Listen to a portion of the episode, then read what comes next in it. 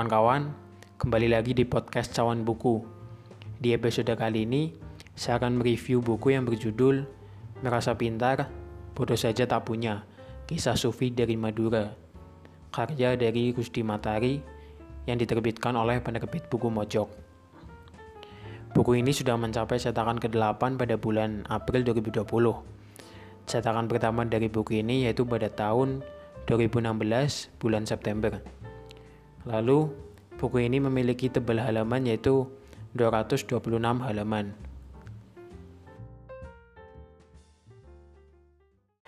Sebelum diterbitkannya buku ini, tulisan-tulisan di dalamnya merupakan tulisan berseri selama 2 tahun, yakni 2015 dan 2016, yang dimuat dalam web mocok.co pada setiap bulan Ramadan, yang ternyata memiliki antusias pembaca yang lumayan banyak. Buku ini menceritakan kisah kehidupan sehari-hari di sebuah desa di Madura pada saat bulan Ramadan. Tokoh utama dari buku ini yaitu seorang lelaki duda tua yang bernama Cak Delahom yang tinggal di sebuah gubuk dekat kandang kambing milik Pak Lurah. Cak Delahom ini dianggap aneh oleh banyak warga, apalagi oleh anak-anak yang menganggap ia seorang yang tidak waras atau gila. Namun, ada salah satu tokoh yang bernama Mat Piti yang percaya dengan Cak Delahom.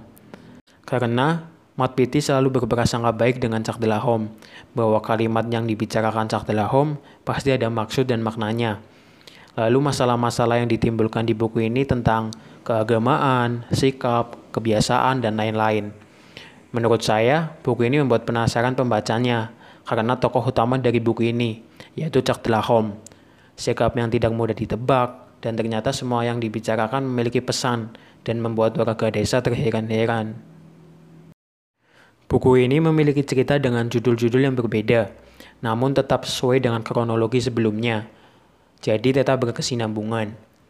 Kejadian atau masalah-masalah yang dimunculkan dalam buku ini beberapa diinspirasi dari kisah yang diceritakan Syekh Maulana Hizbul Watani Ibrahim, lalu ada juga kisah yang diceritakan MH Ainun Najib, lalu ada kisah Nabi yang menurut saya kisah-kisah ini dibalut dengan nuansa yang berbeda dan sangat relevan dengan keadaan manusia sekarang.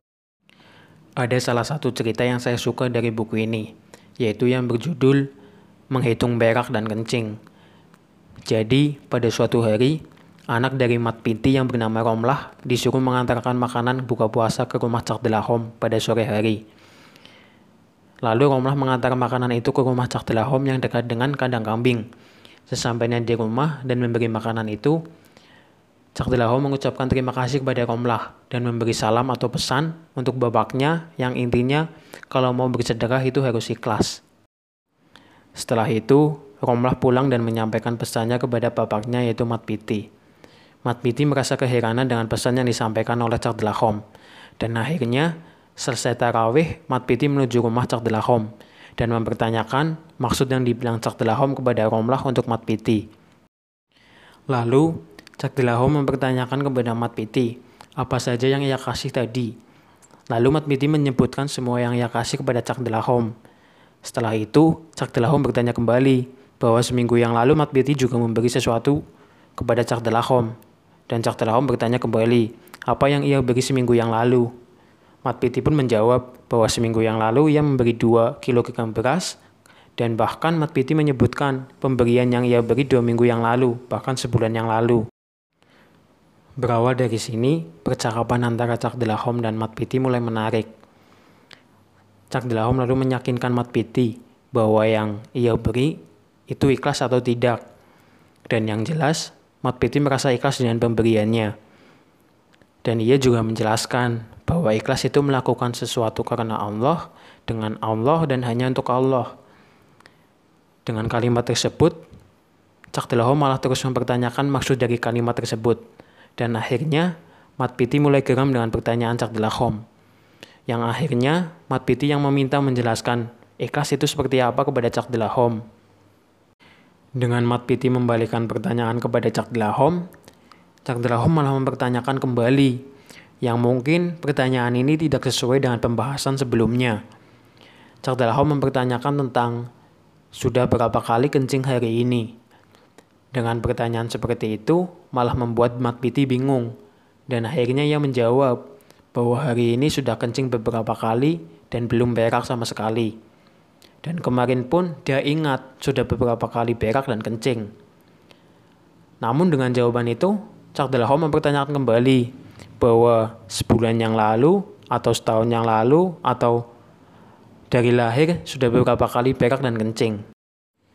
Dan yang jelas, Mat Peti tidak ingat dengan kencing dan berak sebulan yang lalu, bahkan setahun yang lalu.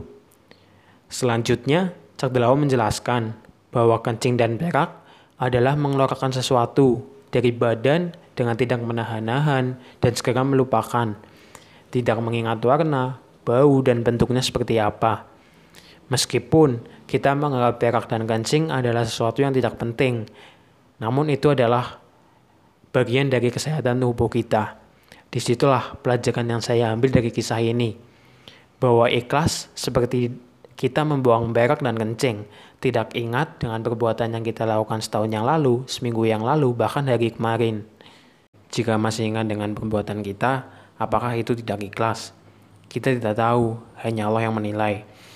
Itulah salah satu kisah dari buku ini yang membuat saya tertarik, yaitu pesan-pesan yang selalu diselipkan di setiap kisahnya dan juga analogi-analogi yang mengantarkan kita kepada pesan atau makna dalam kisah tersebut. Oke kawan-kawan, untuk selanjutnya kita sambung di segmen kedua.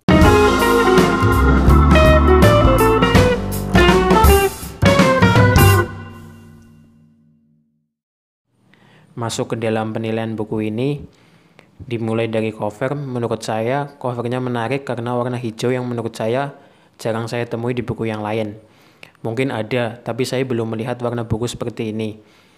Lalu ada yang membuat saya penasaran dari warna coklat yang di atas orang yang memakai peci menghadap ke atas. Apakah itu kopi atau hanya warna biasa? Mungkin ada kawan-kawan yang lebih tahu makna dari gambar tersebut. Menurut saya, bahasa yang digunakan mudah dicerna dan dipahami, sehingga pembaca dalam mengambil pesan di dalamnya mudah dimengerti. Halaman dari buku ini juga tidak terlalu tebal dan tipis. Ditambah lagi, kisah di dalamnya terbagi beberapa bagian, dan setiap bagian memiliki pesan di dalamnya, yang membuat pembaca ingin menyelesaikan setiap bagiannya dan tidak berhenti di tengah bagian.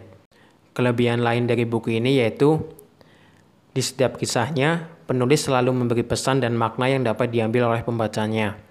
Menurut saya, ini adalah kelebihan utama dari buku ini. Analogi-analogi yang diberikan mengantarkan kita kepada pesan dan makna yang sangat relevan dengan kehidupan kita sebagai manusia. Selanjutnya, yang masih membuat saya penasaran yaitu sosok utama dari buku ini yaitu Chuck Delahom. Buku ini hanya menjelaskan sedikit latar belakang dari Chuck Delahom yang membuat saya penasaran dengan latar belakang kenapa ia berbuat sesuatu yang aneh namun dibalik itu semua memiliki banyak makna. Dan yang terakhir, ada sebuah kutipan yang saya suka dari buku ini, yaitu Aku juga tak berani memberi cap kepada siapa pun dengan apa pun. Puncak keberanianku hanya meremehkan diriku sendiri. Oke kawan-kawan, itu adalah sebuah review dari saya tentang buku Merasa Pintar, Bodoh Saja Tak Punya, karya dari Rusdi Matahari. Buat kawan-kawan yang penasaran dengan buku ini, langsung saja kawan-kawan bisa beli di toko buku online atau saya mendapatkan buku ini di akun Instagram @buahbuku. Kawan-kawan bisa cek di akun Instagram tersebut. Terima kasih.